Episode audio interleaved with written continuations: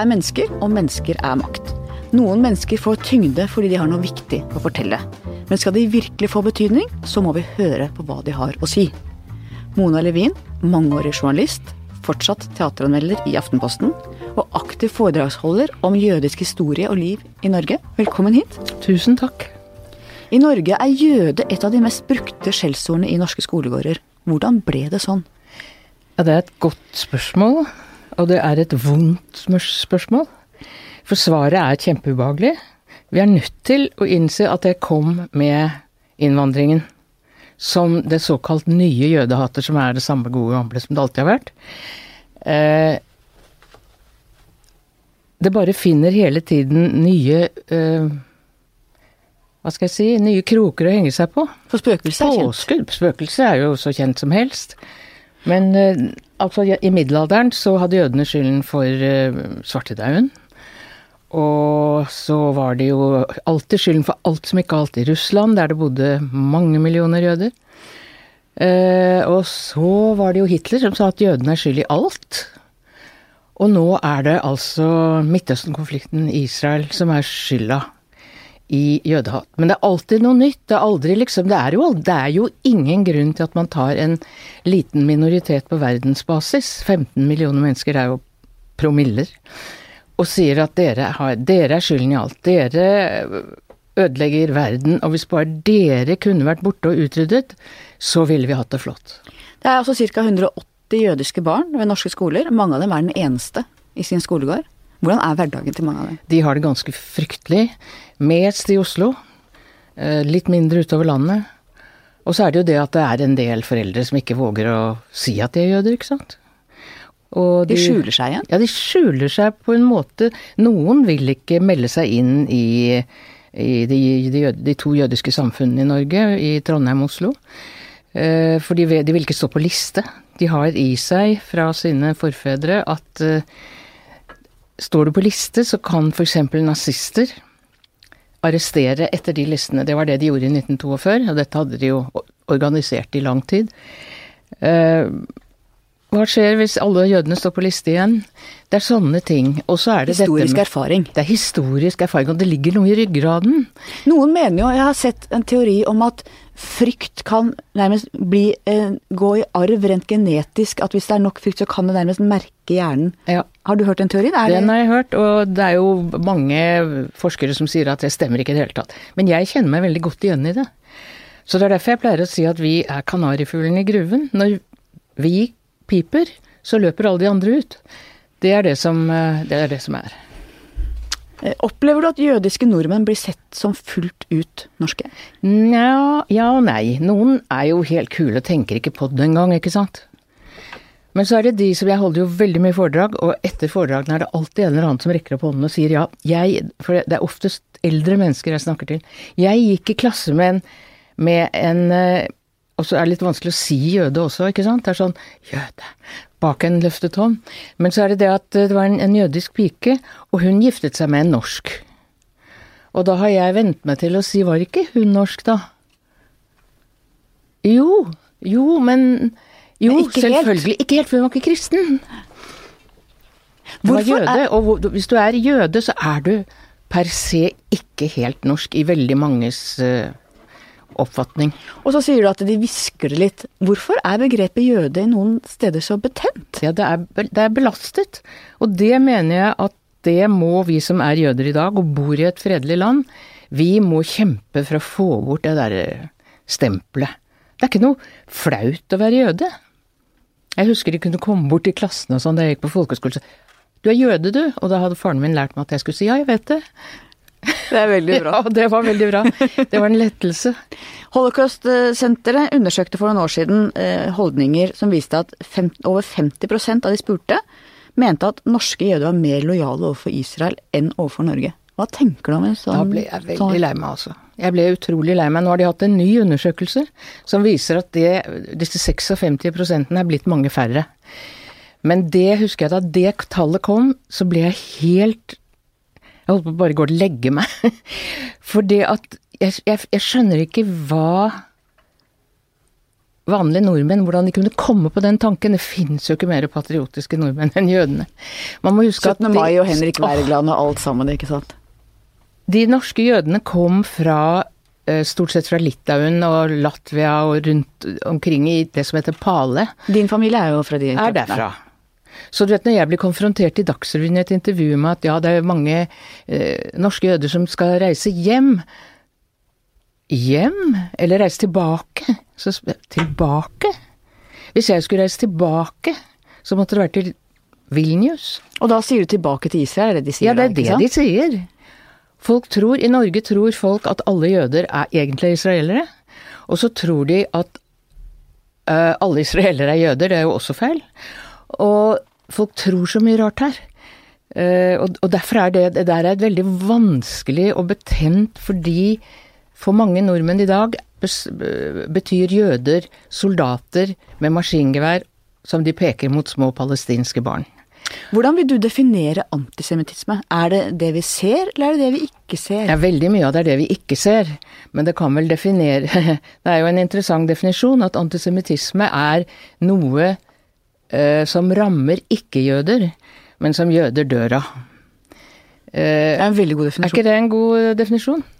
Eh, men så er det jo også det at det handler om dehumanisering, degradering av jøder som mennesker. Man er liksom ikke helt riktig bra nok. Og det er jo ikke så mange tiår siden det var vanskelig for en jøde å komme i, i Høyesterett. Og den som kom inn til slutt var min fars fetter, så dette husker jeg. Hvor mye eleven det var den gangen.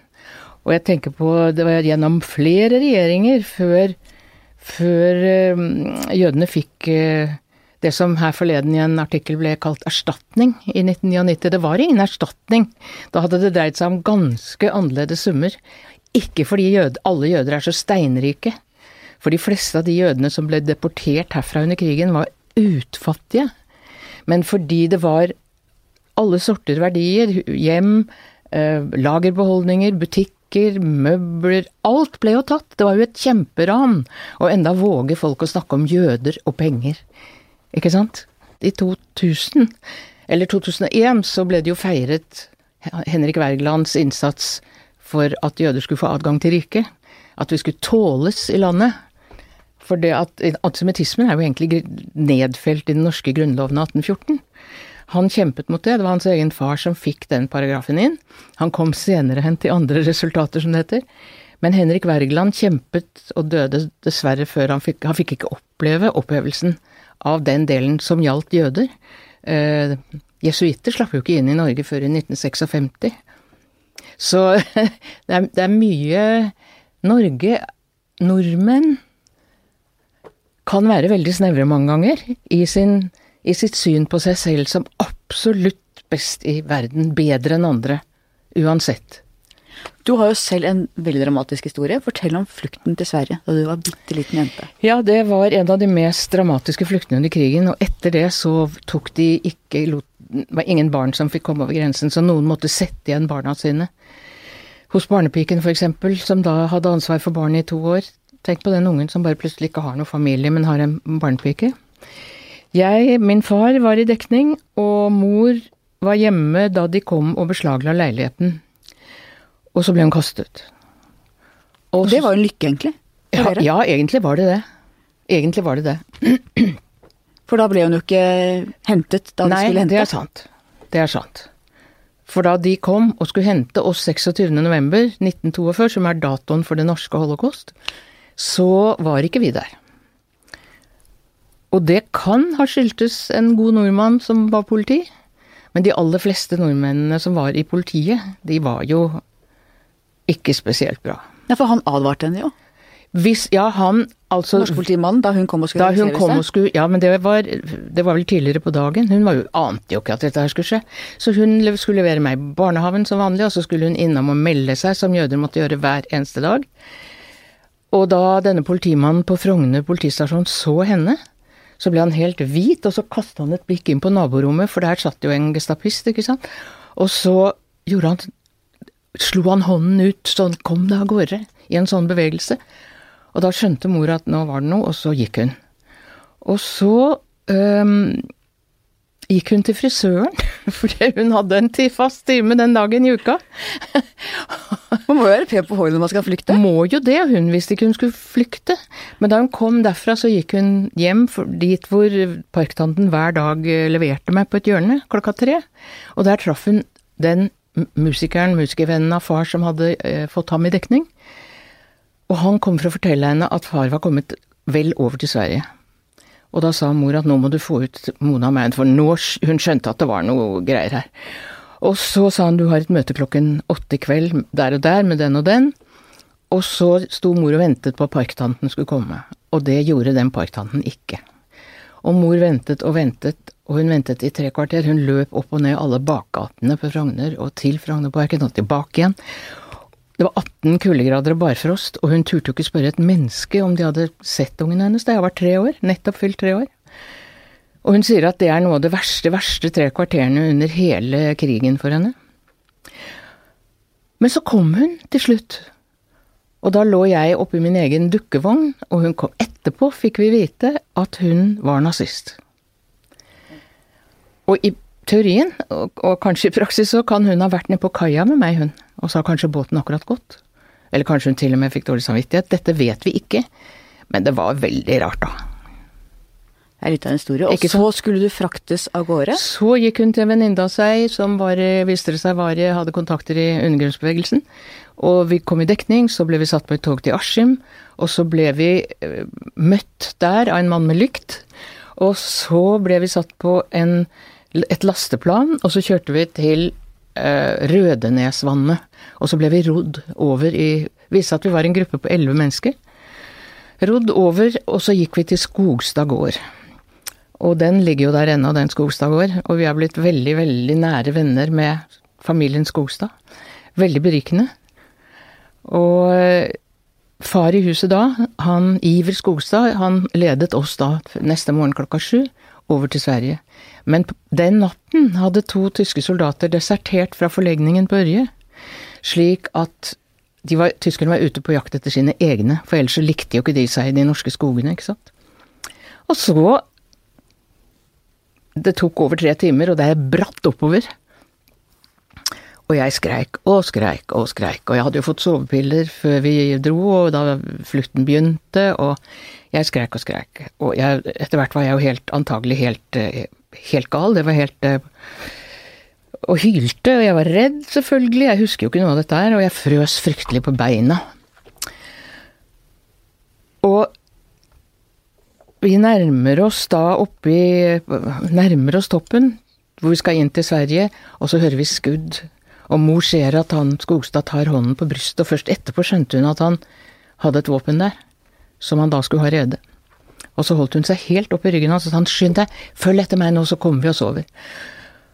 Og så sa hun hvor langt er det igjen, og da sa han det er 100 meter. Og da tenkte hun, som var sportsjente, at det er en sving på Bislett. Og dermed fikk hun nye krefter. Og så kom vi oss over, men da i mellomtiden var jo jeg gått i koma, for jeg hadde fått så mye piller. Ja, du ble erklært død. Jeg ble erklært død ved ankomst. Mor la meg ned på bakken, og en lege som hadde gitt meg en overdose med piller, og en annen som ville kvele meg med sine egne hender. Og så sa hun hva er det med henne, hva er det med henne, og da sa han ja, beklager frue, men jeg får ikke kontakt med henne, en mor vet visst best. Og for mor var dette var jo helt fryktelig. Jeg er kommet til Sverige med et dødt barn. Jeg kan forstå den følelsen, altså. Og så kom vi oss inn, da. Vi ble jo avluset og Det vil si, vi kom til en, en, en svensk sånn, En koie med svenske soldater, grensevakter. Og dette var en søndag morgen, og da de kom inn der, det mor hørte der sto det radio, det hadde jo ikke vi hatt på flere år. Og da var det den svenske erkebiskopen i, som holdt preken i eh, Hva heter den store kirken i Stockholm? Sta, Margaretakirken? Nei. stats, ikke statskirken, men det heter nå glapp det, men i hvert fall i den største kjente kirken i Stockholm, og han ba for jødene. Og da brast det for mor. Hun hadde holdt seg hele tiden, og da gråt hun i mange, mange timer, hun kunne ikke stoppe. Og jeg lå, lå der og var bevisstløs, og det var liksom, det var ikke liv. Uh, og så, etter tolv timer, så da alle skulle gå til bords og spise aften, så kastet jeg oppover hele denne legen. Og da sa han at hadde hun ikke gjort det, så hadde hun Da, hadde det vært uh, for, for seint. Det er litt av en historie, og Iver Skogstad, han grenselosen, han tok, overtok meg da jeg var blitt bevisstløs. For jeg fant meg ikke i at noen andre enn mor skulle bære meg. Tenk hvor sliten hun må ha vært. En treåring i Beksomstøvler og sånne tjukke, gammeldagse klær og Og da tok han og satte meg i en ryggsekk og tok beina ut på Det var hull til barnebein ut på hver side, og så tok han av de der gammeldagse Beksomstøvlene og masserte føttene mine hele veien. Og da så også legen at hadde ikke han gjort det, så hadde jeg ikke hatt bein i dag. Så i det hele tatt. Så jeg var visst et veldig traumatisert barn, da, har jeg fått vite. Og jeg var helt umulig for mor å ha med å gjøre i, i Sverigetiden. Helt umulig. Og det hadde vel sine grunner. Og hun var jo alltid alene, for far var ute og spilte på turné for de norske for, Altså for politisoldatene og norske flyktninger, og politisoldatene er jo gutta på skauen på svenskesiden.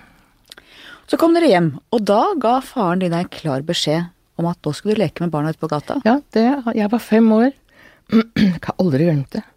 Han tok meg på fanget, og så sa han Mona, nå skal du ut i gatene og leke med norske barn. Og da skal du vite at noen av de barna har foreldre som var nazister. Men barn er aldri nazister.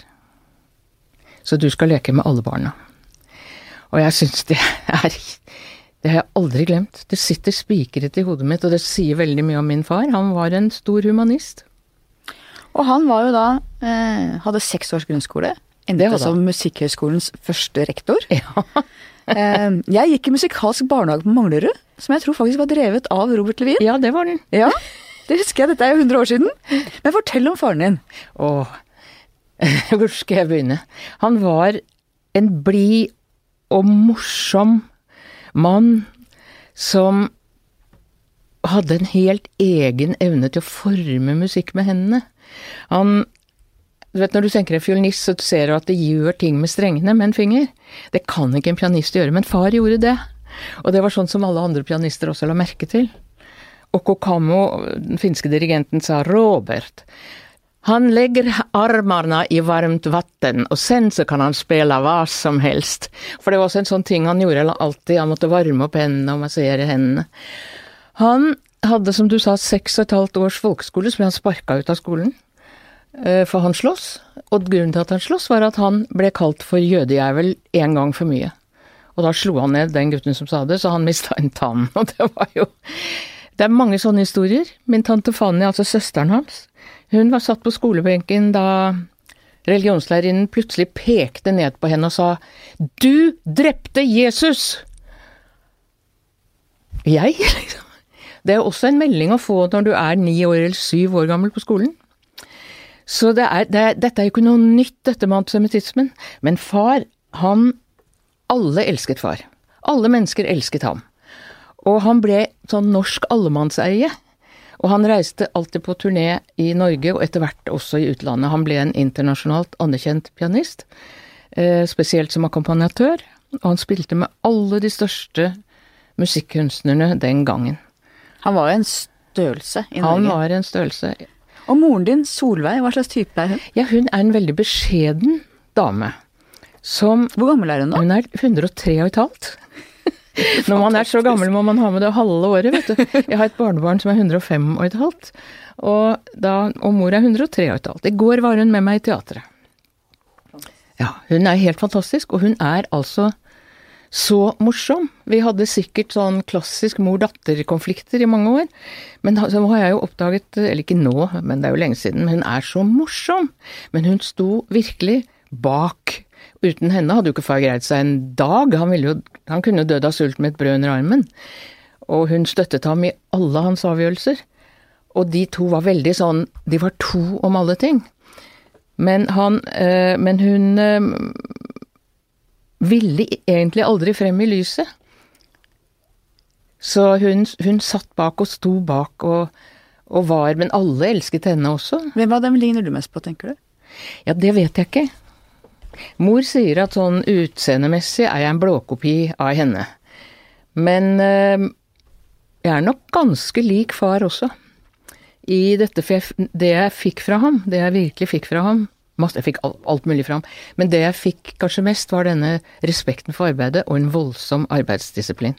I hele mitt liv har jeg hørt ham øve skalaer hver eneste dag for å ha mykheten i fingrene. Han elsket å øve. Andre, det er en del andre pianister som ikke liker å øve. Han elsket å øve. Det syns han var høydepunktet på dagen. Og dette har jeg vokst opp med, ikke sant? Du meldte deg inn i den jødiske menigheten i godt voksen alder. Ja, det var etter Gård. Etter Gårderud, som Ja. vi var inne på, så er det veldig mange som ikke er registrert. Det er Ja. omtrent 1400 jøder i Norge i dag. 700 er registrert i menigheten. Ja. Eh, Du var inne på det. Folk, I Oslo, jøder i, liker ikke å bli i registrert. Mosaisk trossamfunn i Oslo er det nå, tror jeg, 700. Og da jeg meldte meg inn, så var det 800. Så tenkte jeg da får det i hvert fall bli 801, da. Jeg er ikke noen synagogegjenger, og jeg greier, liksom ikke å være religiøs, men jeg kan godt Men jeg er jo veldig glad i jødiske tradisjoner og historie og eh, liksom hele den I kulturen, alt det der. Eh, så jeg er en Jeg er en Jeg er jøde, men jeg er altså ikke troende. Men- Kulturell jøde har du kalt. Jeg er en kulturell jøde, det er det jeg er. Mm. Det er det jeg er. Synagogen i 2006 ble altså avfyrt skudd mot synagogen i Ja. Oslo. Arfan Bhatti ble dømt, men ikke for terror. Begrunnelsen var at det var for få jøder i Norge til at han kunne dømmes for terrorbestemmelsen fordi at det, det var en for liten befolkning. Hva tenker du om den dommen? Jeg syns det var så skammelig. Ja, det er jo bare én i rekken av betenkelige norske juridiske avgjørelser. Nei, det var så få jøder her at uh, dette terror skal jo rette seg mot en befolkning. Vi er ikke noen befolkning. Nei, vi er ikke det fordi at vi ble utradert under krigen. Over 700 endte sine liv i Auschwitz. Og av deres etterkommere ville det ville jo vært flere. Søsteren min og mannen hennes hadde for noen år siden spurte de absolutt alle mennesker de traff i um, alle sammenhenger, hvor mange jøder tror dere det er i Norge? Og tallet var mellom 8000 og 80 000. Og folk blir, også når jeg holder foredrag, som blir helt paff over at det er 1400 jøder. Det er færre her nå enn før krigen. Synagogen er jo bevoktet, som kanskje det eneste norske gudshuset. Ja. men selv etter skuddene så strevde jo menigheten veldig lenge med å få nok beskyttelse, og i andre land, f.eks. Tyskland, så er det en selvfølge at myndighetene Ja. beskytter hele tiden. Hvorfor tror du det er sånn i Norge? Nei, fordi jeg tror ikke at man bryr seg om jødene her i landet. Og det er ikke så farlig. Og dessuten så er det så mange som sier, det er sånn som man hører under hånden, som sier jødene greier seg selv. Ja, det har de altså vært tvunget til å forsøke å klare i 2000 år. Og det er jo eldre som eh, frykter å bo på sykehjemmet ved synagogen. Eh, jeg har snakket med jødiske småbarnsforeldre som syns det er eh, vanskelig med barnehage. Barnehagen der, ja. Med jødiske barnehagen. Ja. er det verre nå enn det var? Det er verre nå enn det var ja, ja, det er nok det, men vi hadde jo så mange traumer med oss. Så det som kommer nå, er jo da at det skapes nye traumer. Og de barna som mobbes daglig på skolen nå, det er noen helt forferdelige historier, særlig fra Ila skole, og så er det fra skoler i Groruddalen, selvfølgelig. Og det er ikke alle som har råd til å flytte fra Gror- Groruddalen. Og, og det det er Jeg, jeg syns det Det er så smertelig. Jeg var på en skole, på en kristen skole, da, for stort sett så ville ikke skoler ha meg fordi at jeg kunne Det er blitt feilaktig fremlagt som at skolene nekter meg, det er helt usant, det er ikke noe jeg har sagt eller skrevet. Men skolene er ikke spesielt interessert, er det jeg sier i foredragene mine. Det har jeg virkelig belegg for. Men eh, det var en skole hvor jeg kom til, en kristen skole, i bør si hvor, men det var én jødisk gutt på den skolen. Og han kom bort til meg etterpå og hvisket 'shalom'. Og det var hans måte å si takk. Og etter det så har jeg fått vite at han har fått det mye enklere. Og grunnen er at folk vet så lite om jøder her i landet. De vet ikke at norsk jødisk historie er en del av norsk historie. De vet ikke at det er eh, eh, De kjenner ikke jødedommen, det undervises ikke engang på, på universitetet lenger i jødedom. De vet ikke noe om eh, jødisk historie i det hele tatt. Nå har de kutta hebraisk på Universitetet i Oslo, hørte jeg. Ja, men så flott! Er det ikke noe mer de kan kutte? Kan kutte jøder. Det kan de gjøre. Det gjenstår. Det har de gjort før. Jeg syns det er, det er virkelig Det er virkelig Og det går så stille for seg. Det går så stille for seg. Eh, mange har jo reist til Israel og USA, særlig fra Frankrike. Kjenner du til mange som har reist fra Norge? Nei, jeg kjenner ikke, men jeg har blitt fortalt om eh, særlig jødiske barneforeldre, da, de som har små barn, tør ikke la ungene sine vokse opp her. Og denne terroren som er utover i Europa, den rettes jo først mot et eller annet jødisk mål, og så et stort ikke-jødisk mål. Jeg hadde, jo, jeg hadde jo militærstrategi jeg studerte på Johns Hopkins i USA, hvor min gamle professor, eh, Elliot Cohen, som selv var jøde, da han underviste om Al Qaida, sa han at mitt folk har historisk erfaring for at når noen truer med å utslette oss, så kan de faktisk mene det. Ja, de gjør det. De mener det. Og vi hadde noen naboer eh, mens vi bodde i USA som også var jødiske, og som da gjorde veldig inntrykk på meg. De hadde en svær plastkasse bak i bilen med vann og tepper og sånn. Dette var få år etter 9-11. Ja. Som de da hadde i bilen hele tida. Når de skulle kjøre ungene på fotball, så tok de ut den kassa, satte den på yttergangen. Og inn i bilen igjen, for de ville kunne dra fort hvis noe skjedde. Ja, ikke sant. Og for meg var det helt fremmed. Men samtidig så, det vi snakka om i stad, at jeg tror det ligger en frykt nedarvet som gjør at eh, de blir veldig mye reddere. Vi blir, gjør Med det, grunn. men det er jo en reell frykt, det er det. Og det er det som er så synd. At vi skal behøve å utsettes for en reell frykt for terror, for Altså, he, alle er jo utsatt for terror for tiden. Men det retter seg ofte både i Paris, i uh, Brussel, jødisk museum, i Lyon, jødiske barneskoler, i Marseille, barneskoler, og i København, uh, mot synagogen. Malmö er så godt som Jodenrein, altså jødene er fordrevet derfra. Jødene er fordrevet fra Malmö. Og det er klart at klarer de å fordrive jødene fra Malmö, så er det jo ikke noen grunn til at ikke skal kunne fordrive jødene fra Oslo. Og det er det jeg virkelig ikke Hva skal jeg si, jeg finner meg ikke i det. Og hvis det som skal til er en viss voksenopplæring, så, kan, så gjør jeg det. Og jeg blir så gammel også nå at jeg har ikke noe sted å reise til. Jeg kan ikke reise verken til Amerika eller til Israel. Hva skal jeg gjøre der, da? Jeg er skriver jo på norsk, og jeg er norsk. Ja. Så, Bak- så jeg må være her. Bakteppet er jo eh, krigen og historien vår både før og etter. Eh, jeg hørte først for noen år siden om de hvite bussene som lot fem norske Ja. unge menn stå igjen på appellplassen. Eh, fem jøder som hadde overlevd dødsleiren. Og jeg må si, det gjorde enormt inntrykk på meg. Jeg lurer på hvordan det kunne skje. Det kunne skje fordi eh, Bernadotte hadde fått pålegg fra en av de svære, en av svære tyskerne som sa at eh, Göring, tror jeg, eller Goebbels, nå husker ikke jeg akkurat hvem av dem, for at eh, i sånne settinger så glemmer jeg alltid de viktigste navnene. Eh, at eh, de skulle Altså, grunnen var jo det at da Quisling kom til makten i Norge, så i 1942 gjeninnførte han paragraf 2 i Grunnloven. Jøder er, har ingen adgang til riket, og da jødene da etter 1942, så var de statsløse. Og de hvite bussene hadde ikke lov å ta med statsløse. Så de fem norske jødene som sto igjen der, de var liksom i gåstegn statsløse.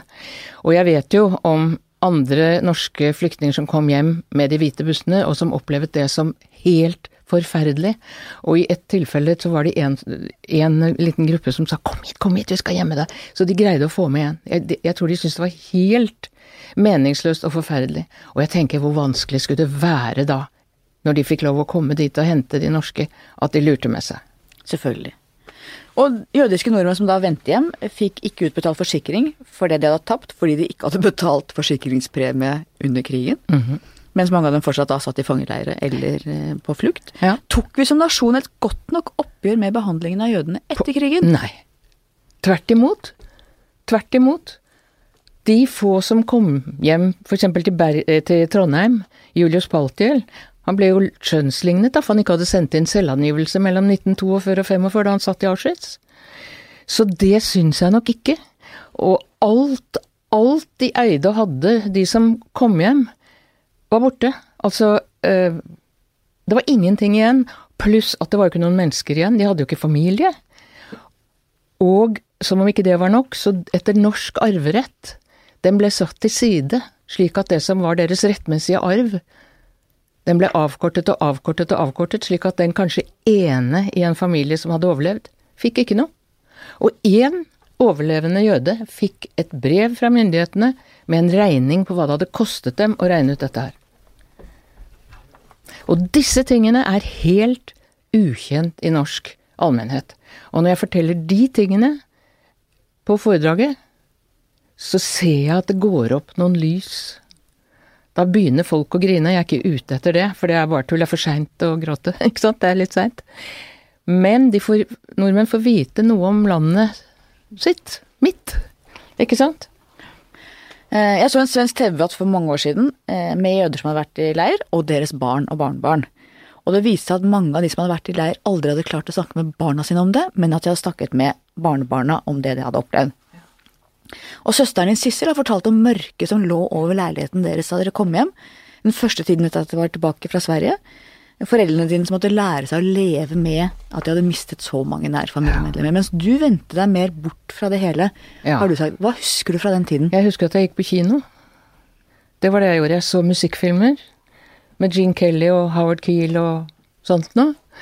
Og jeg jeg i, An American in Paris gikk på Frogner kino, som den gang var en reprisekino. For filmene gikk først på Colosseum, og så etter hvert som de ble utspilt, så ble de flyttet til reprisekinoene. Ringen og Jarlen og Frogner, ikke sant. Og jeg syntes den var så fantastisk med Gershwins musikk og sånn, så jeg gikk hver dag i 18 dager, stjal jeg en 50-øring i fars frakk, og så gikk jeg på An American in Paris. Det ble din flukt. Det ble min flukt. Så gikk det mange år. Jeg hadde fått barn selv. Og så et selskap med seg far, ja, det er noe jeg må snakke med deg om før det er for seint. Men jeg må altså be om unnskyldning fordi jeg stjal penger i lommen din for å gå på kino. Det visste jeg, sa han. Det var derfor jeg la den 50-åringen der hver dag.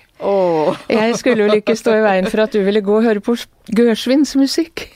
Og gjennom de der gamle musikkfilmene så fikk jeg Det var i tillegg til den klassiske musikken jeg hørte hjemme, så var jo det min eh, musikalske oppdrett, eller hva jeg skal si. Eh, så jeg har, har det inne fra da. Men jeg syns det var veldig rørende, for det sier jo også mye om han. Han la den. Akkurat den 50-åringen. Det er veldig sant. Men hvordan preget krigen deg? Var du mye redd som barn og ungdom? Ja da, jeg var eh, redd. Første året i Sverige så kastet jeg opp tre ganger om dagen helt. Altså, jeg kunne ikke beholde maten, så jeg ble jo veldig ødelagt av det, ikke sant. Og har sikkert sånn eh, fordøyelsesmessige følger av det fremdeles. Um, og så ble jeg veldig trassig, fryktelig trassig. Og så fikk jeg en søster, da. Eh, Jeg var fem år eldre, er fremdeles fem år eldre enn henne. Jeg var ikke noe særlig begeistret for det. For jeg, det jo, jeg hadde vel antagelig ikke fått så mye oppmerksomhet, fordi hele familien på mors og far Far var aldri hjemme, han var på turné, og mor satt der alene med dette trassige, slemme barnet. Og familien hennes, hennes mor og den ene broren, han andre var 19 år da han endte i Auschwitz, ikke sant. De bodde i en annen by, og så hun var alene. Hun var selvfølgelig supernervøs, superfrustrert. Hun var en helt ung kvinne på 27 år. Og hun kunne ikke hanskes med dette barnet, så hun kalte hjem barnehavetant Siv, og så sa hun hva skal jeg gjøre med denne elaka ungen, og så sa tant Siv skaffa Mona søsken, og så gjorde de det, og Mona ble ikke så begeistret, så Mona ga dette spedbarnet en Jeg skulle prøve å være snill, da ga hun et bringebærsyltetøy, en sånn Kongen av Danmark-aktig ting, som mor da fant her i Og du vet, hadde hun fått det nedi halsen, så hadde det jo vært over og ut. Og jeg fikk masse kjeft at den gangen så skulle jeg faktisk være snill, skulle gi henne noe godt. Det falt altså heller ikke i god jord. Men nå er vi veldig nære venner, og vi jobber mye sammen og ber hverandre, spør hverandre til råd, så i det hele tatt. Så det, det er veldig bra. Det tok lang tid før moren din fortalte om krigen og tapene led deres nærmeste familie. Hvordan klarte de voksne å gå videre etter det som hadde skjedd? Ja, det har jammen meg jeg også lurt på. Jeg, eh, jeg spurte jo mor, da. Hvordan klarte dere å leve videre? I forbindelse med en bok jeg skrev om henne, som heter Mors bok, en familiesaga. Og så sier hun ja, vi måtte jo det. Vi måtte jo det. Vi, hva skulle vi gjøre? Vi måtte se fremover, for så vi oss for mye tilbake, så ville vi bli gale. Mange ble det. Eller vi kunne tatt livet av oss. Mange gjorde det. Men så sa hun det som virkelig har bitt seg fast, og det er Skulle Hitler fått enda flere i vår familie? Og du vet, en sånn setning som det setter seg jo også fast, og gir deg en slags livskraft, tror jeg. Og det var vel den livskraften de måtte skaffe seg på nytt. Du skrev, som du sa, bok om moren din. Ja. Og da åpnet hun opp også om tankene som hadde plaget henne i alle årene etter Ja. krigen. Fortell om det.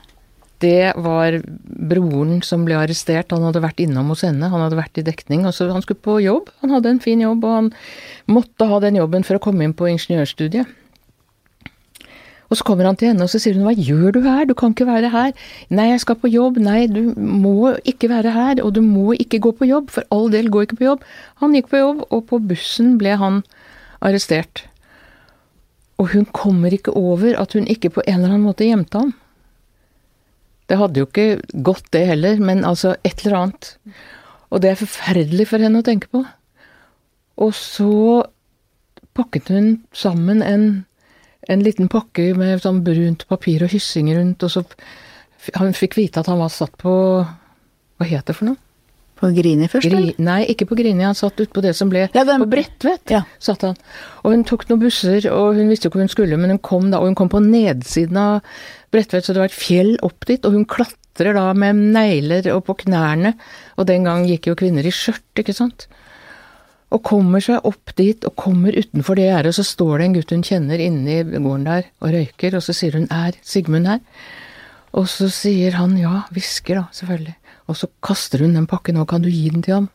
Og så hvisket han ja, og så gikk han, og det var siste, den siste kontakten hun hadde med broren sin. Og jeg hadde ikke fått vite dette her før Jeg fikk jo ikke vite hele denne historien før i 80-årene. Altså, de kunne ikke snakke om det. Men nå, og, og, så, sånn sett kan du si at man var med på å Hvis man vil være slem, kan man si at jødene var med på å, at ikke dette ble tatt opp. Men det var jo ingen som Altså, folk hadde det altfor travelt med å feire og feste i etterkrigstiden til å høre om de som hadde det helt jævlig og fikk vite utover høsten i 45 om uh, hva som var skjedd i disse leirene. I 1978 kom jo den amerikanske TV-serien Holocaust, mm. med Meryl Streep blant annet. Det ble hennes gjennombrudd. Jeg var tolv år den gangen, og jeg husker at vi hadde store diskusjoner hjemme i familien om jeg skulle se den. Og jeg så den sammen med faren min, moren min orka ikke. Hva tror du den serien betydde? Jeg trodde det betydde kolossalt. Og da den var hadde premiere her i Norge, så dekket jeg Melodi Grand Prix i Jerusalem for Aftenposten. Da hadde de vunnet med Halleluja, eller? Ja, det tror jeg. Ja, det husker jeg. 79 var 79 var halleluja. Så jeg var på jobb. Men samtidig hadde den eh, Nei, unnskyld, den hadde premiere der, selvfølgelig. Det er jo i 78, det var da den hadde premiere der, den hadde premiere her. Og da hadde de sånn, eh, hva heter sånn telefon, sånn uh, krisetelefon i det israelske TV-selskapet som viste denne, og de fikk noe sånn som 6000 ringninger. Folk var helt fra seg. Og mange som den gang levde og hadde overlevd leirene og sånn, de fikk jo sammenbrudd, for alt dette her ble gravd opp igjen for dem, som om de noen gang hadde glemt det. Det er jo ikke det. Men det å, få, å se det, og oppleve, gjenoppleve det, var så sterkt. Noen tok livet av seg. Altså, i det hele tatt, dette det, det er sterke saker. Og det førte jo også til en åpning av debatten. Jeg husker jeg leste om i Tyskland hvor barn kom og spurte sine foreldre og ja. besteforeldre hvor var du, hva gjorde du? Det ble på en måte en slags, slags renselse på alle sider. Ja. Eller en åpning av veldig vonde sår. På alle sider. Det var det. Og mange, det, mange år etter mange krigen. Mange år etter krigen. Og det skal også sies, når du, siden du nevner Tyskland, så er jo Tyskland det eneste landet som har tatt et ordentlig oppgjør med nazitiden. Østerrike har aldri gjort det, for de stakkar var jo ofre bare. Hitler var østerriker. Men uh, tyskerne har gjort det. Og det skal de ha, altså. og Norge har jo egentlig ikke gjort det. I 99 kom denne restitusjonsprosessen, da. Det var da Jens Stoltenberg ba om offisielt unnskyld? Ja, nei, det, nei, det var, senere. senere. Det var, det var for, like før han ble Nato-sjef. Og da ba han om unnskyldning, men han beklaget ikke som man kunne vente. Kirken beklaget at den hadde vært unnfallende, og de eneste som kom med en uforbeholden unnskyldning den gangen, det var det norske politiet. Og det føltes veldig godt, det må jeg si. Det er vanskelig både å bruke og overse holocaust i debatten om jøders situasjon i hele verden. Det er et følelsesladet argument i enhver debatt, samtidig som det er fullstendig faktabasert basert i all sin grusomhet. Hvordan mener du at vi skal forholde oss til denne delen av Europas historie i debatten om jøders utsatte situasjon i mange europeiske land i dag? Vi må rett og slett akseptere at dette har hendt, og at det er en del av europeisk historie i 2000 år. Og det betyr at Europa bærer veldig mye ansvar for det som er hendt med jødene gjennom tidene. For det begynte ikke i 1948, da Israel ble opprettet.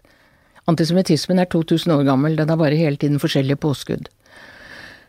Og den er så mytebelagt, og nå må man se å bli kvitt disse mytene, man må se å kvitte seg med Sions vises protokoller, som markedsfører seg et par norske eh, professorer, ikke sant. Det finnes en norsk professor oppe i Tromsø som sier nå må det være slutt på gnålet om holocaust. Hvis vi slutter å gnåle om holocaust, og det kommer i hvert fall ikke jeg å gjøre så lenge jeg lever Det tror jeg på. Selv om ikke det er mitt hovedanliggende, så er det klart at vi kan ikke holde opp og gnåle om det, for det er jo å be om at noe sånt skal gjøres om igjen. Og det er jo ikke sikkert det er jødene neste gang. Det er jo ikke sikkert det er noen jøder igjen neste gang. I dag er det 70 år siden eh, Israel ble opprettet. Du krever som den selvfølgen det er at du som nordmann ikke kan og ikke skal stille til ansvar for den politikken som Israel til enhver tid fører. Og det er jeg helt enig i. Både du og jeg og alle andre kan mene hva vi vil om Israels politikk, eller la være å mene noe som helst. Men jeg mener at det er to debatter her. Den om Israels dag-til-dag-politikk, der det finnes mange ulike syn, særlig blant israelere selv, faktisk. Det er jo få steder man diskuterer så intenst. Og så er det den større debatten som angår deg mer enn den angår meg, og verdens jøder mer enn alle oss andre. Behovet for en jødisk stat med vissheten det innebærer om at det fins en nødhavn. Et sted der jøder kan søke tilflukt dersom de ikke har noe annet sted å dra. Hvordan ser du debatten om Israel i det norske samfunnet? Jeg ser den som veldig polarisert. Og jeg ser den som ganske ondskapsfull, fordi man legger skylda for israelsk politikk på barn, f.eks. Og hvis man sier noe sånt, så kommer disse palestinske barna og de soldatene. Men det er noe der, det er jo en krig. Det er jo en krigssituasjon. Men skal man, ha, skal man omplante den via de mest utrolige omveier til norske skolegårder? Det er klart at den er kommet hit med en foreldre- eller en besteforeldregenerasjon som har brakt med seg sine gamle fordommer og myter og, og, og overtro og ting de har lært her, inn i det norske samfunnet, gitt til sine barn og barnebarn, og så bringer de det videre inn i eh, skolegården. Og det, da blir, det, blir jøde et skjellsord. Og da eh, blir det liksom at uh, Jeg gjør ikke noe verre med deg enn det uh, jødene gjør mot palestinerne. Men det, det, er en helt Hva heter sånn falsk Det er ikke, det er ikke noen Det er falske motsetninger. Og du har reist deg og gått i protest i debatter hvor du skulle diskutere antisemittisme i Norge, og ja. blitt konfrontert med Israels handlinger. Da ja. blir du forbanna. Da ble jeg forbanna fordi jeg hadde for forhånd Jeg hadde på forhånd sagt at hvis dette blir en Israel-debatt, så vil ikke jeg være med, for det er jeg ikke med i. Fordi i Norge kan du ikke diskutere Israel og antisemittisme samtidig. Jeg har måttet ta et valg. Jeg har valgt å snakke om antisemittisme i Norge, som er et helt reelt problem. Uten at vi alltid skal gjøre oss selv til stakkarer eller ofre. For det er ikke det det handler om, men det handler om å få lov å leve i fred i sitt eget land. Og det eh, at man da blir trukket til ansvar på den måten, at barn blir trukket til ansvar i skolegården, er en forferdelig uting. Og det verste er at rektorene er livredde for å ta i det. Jeg kjenner helt klart tilfeller hvor det har kommet klage på klage, og verken rektorer eller lærere har turt, fordi det kan virke krenkende på noen helt andre. Dette krenkeordet som var helt ukjent i Norge inntil for fem år siden eller noe sånt noe. For du eh, er jo da, blir jo ikke ofte invitert på eh, norske skoler, enda du snakker jo ikke om eh, Midtøsten-konflikten, du snakker jo om jødisk historie i Norge. Ja. Jeg holder meg nøye utenfor Midtøsten-konflikten. Men når du snakker med unge mennesker, er de interessert? Ja, det syns jeg de er. Men du vet, i museet, i Jødisk museum, så er det masse skoleklasser. Og der kommer det også muslimske barn som syns dette er veldig spennende og artig, og det er noe helt annet. Men så sier de at vi kan ikke si hjemme at vi har vært der. Det må de ikke si hjemme. At de har vært i et jødisk, norsk jødisk museum. Eh, det er jo også eh, sånn at man Det er ikke obligatorisk å lære om holocaust i skoleverket. Man kan gå gjennom skole uten å ha hørt om det. Ja. Det passer nok en del mennesker helt utmerket. Men det går jo ikke an. Nei, jeg forstår det ikke. Jeg forstår det ikke. Man må si da, det er jo sånt som er sagt ofte, men vi har uten en fortid og uten at vi har med oss vår fortid, så har vi ingen fremtid, noen av oss. Jøder i Europa er blant de mest velintegrerte, både historisk sett og i dag. Hva kan vi lære av dette i forhold til integrering av nykommere som kommer hit i vår tid? Det er selvfølgelig et forhold der at de var europeere. Jøder er europeere. De ble kastet ut fra de bibelske områdene for 2500 år siden eller noe sånt noe. Og har bodd eh, De bodde jo i Tyskland i 1000 år før de ble invitert av storhertug Getiminas til Litauen for å bygge Vilnius. Han skulle bygge en ny by, og da gikk det altså brev, de fins i kopi, brevene til de jødiske samfunnene i Tyskland. Der hadde det bodd jøder i 1000 år, og så flyttet de østover, ikke sant. Og min fars familie kom fra en fæl liten landsby som Det var, altså, det var så fattig, det var sånn, sånn grøftefattigdom. Og der Dit hadde de nok kommet for, fordi de hadde et eller annet fag, da. Og, men de som kom til storbyene, det var øh, De var mer, hadde mer utdannelse, til tross for at jøder i Tsar-Russland fikk bare slippe inn på utdannelse, høyere utdannelse med, i kvoter. Altså, de slapp ikke inn.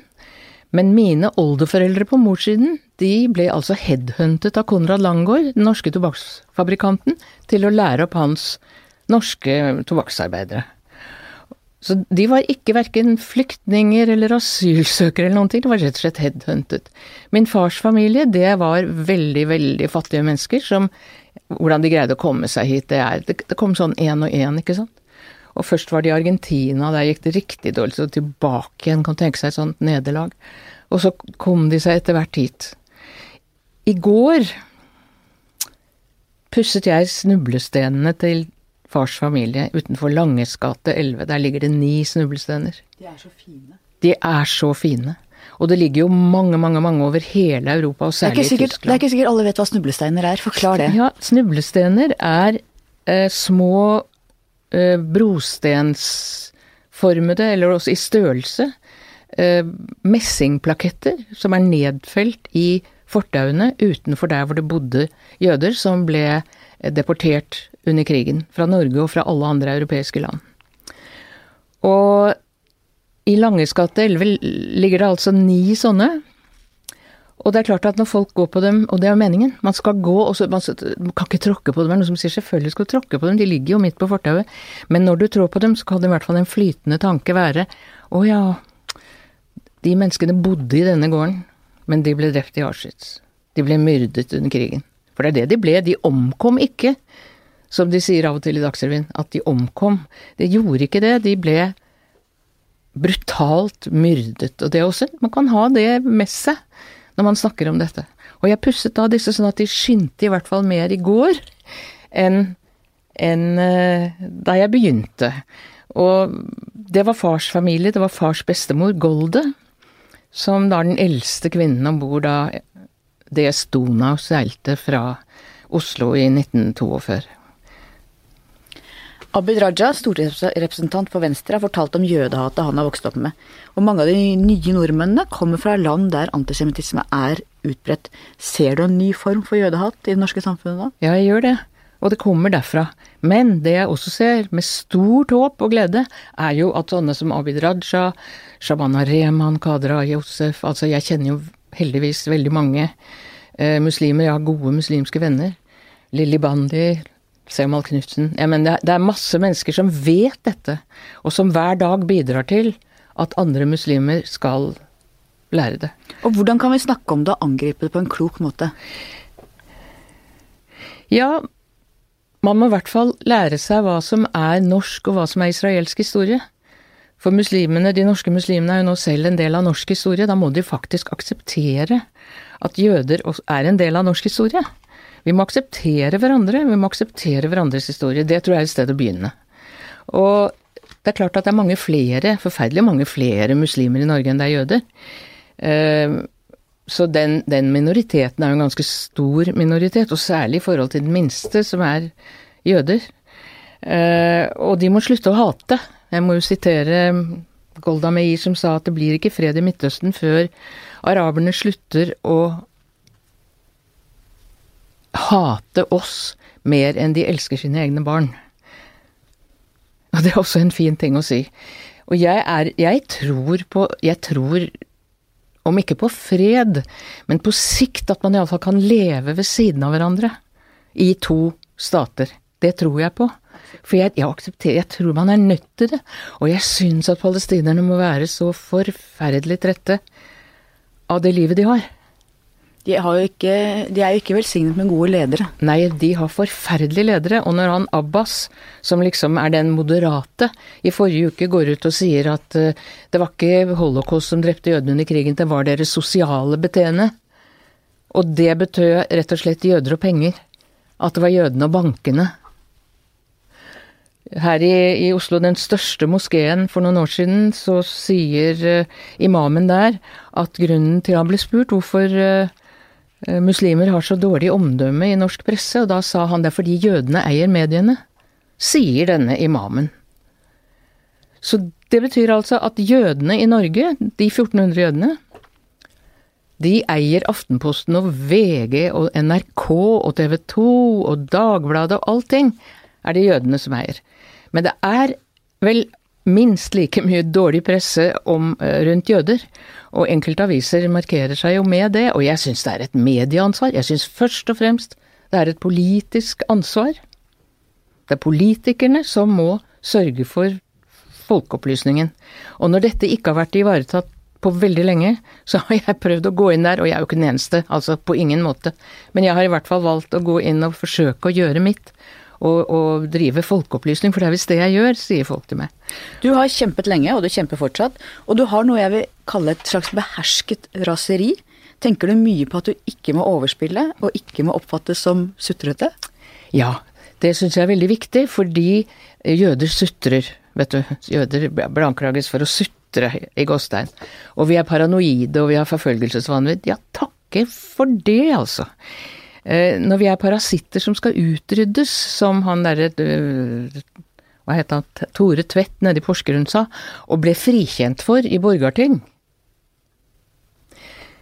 Og jeg ble intervjuet av eh, radioen nede i Porsgrunn, og blir stilt spørsmål av en ung femåring.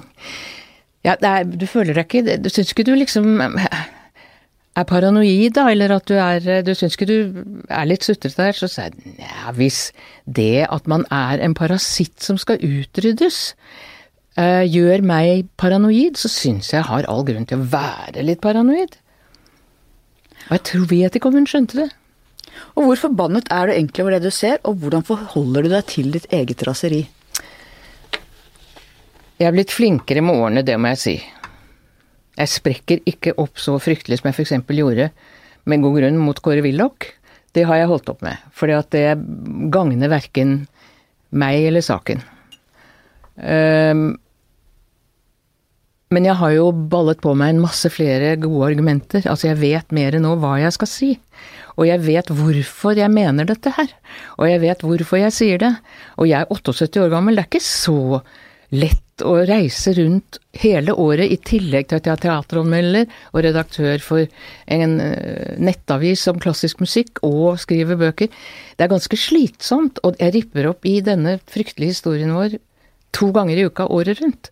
Det er faktisk en påkjenning. Så det er ikke noe jeg gjør for moro skyld, eller for pengenes skyld. Så Men jeg gjør det, og interessen for det må jeg si er noe av det som som gjør at jeg orker. Men jeg merker at jeg kommer nok til å trappe litt ned. Og jeg er veldig spent på disse ungdommene som nå skal følge opp. Uh, den jødiske menigheten som holder på med dette hele tiden, ikke sant. De har oppdratt noen unge såkalte veivisere som oppsøker skolene. De er kjempeflinke. Og snakker til skoleelever, og det har de veldig gode erfaringer med nå. Jeg snakker mest til de gamle. Og det passer jo meg fint, selv om jeg gjerne skulle hatt ungdommen i tale. Jeg har vært noen steder og snakket før de skal av gårde på sånn hvite busser-tur. Men jeg Og de blir jo, det er det mest flukten jeg forteller om nå, for den er ganske dramatisk. Men jeg syns hele historien, er derfor jeg har skrevet denne boken også om mor, hvor hele dette her kommer frem. Så jeg ønsker jo egentlig bare at folk skal få den informasjonen som gjør dem mer kunnskapsrike og at de må slutte å tro fryktelige ting om jøder. Har jeg tid til å komme med en par ting? Fordi at min søster, da hun var direktør i museet, så var det masse lærere. Hun hadde om omvisninger eh, med lærere, og så var det en lærer som sa ja, hvis det er så forferdelig vanskelig å være jøde, kan dere ikke bare holde opp, da? Og de andre lærerne ble veldig ille berørt. Og så sa du mener jeg vi skal bare holde opp å være jøde? Jo, hva hun sa mer vet jeg ikke, men det var en lærer som sa, og en annen lærer, det var snakk om, var snakk om historie og tradisjon og etiske spørsmål, så sier han, har jøder etikk da? Og da visste hun iallfall hva hun skulle si, så sa hun, jeg vet ikke hva du syns om de ti bud, som rett og slett er hele grunnlaget for vestlig kultur, syns du det er etikk? Og da var også alle de andre lærerne altså helt sånn røde i kinnene og så ned og Altså det er ikke en ting ikke folk kan si og gjøre om jøder. Og én lærer, og han fikk faktisk en påpakning fra høyre hold, eh, fordi at de ringer rundt og inviterer klasser, og da uh, sier han at jo, vi skal komme i museet når Palestina er fritt. Som om det fins noen sammenheng mellom norsk jødisk historie fra tsarens Russland og hva som skjer i Palestina i dag. Det er faktisk ikke noen sammenheng. Til slutt, mitt faste spørsmål. Hva skal bli historien om deg? Oi. Mona Levin, det var hun som Det var hun som var uh, verdens beste bestemor. Å, det er fint, da. Og hun som skjelte ut Willoch og Gaarder, og hun som faktisk løftet uh, historien om norsk jødisk liv litt ut av skyggene. Tusen takk for at du kom.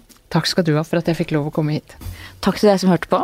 Takk til researcher Grete Ruud, og til vår faste produsent Magne Antonsen. Vi høres igjen neste uke.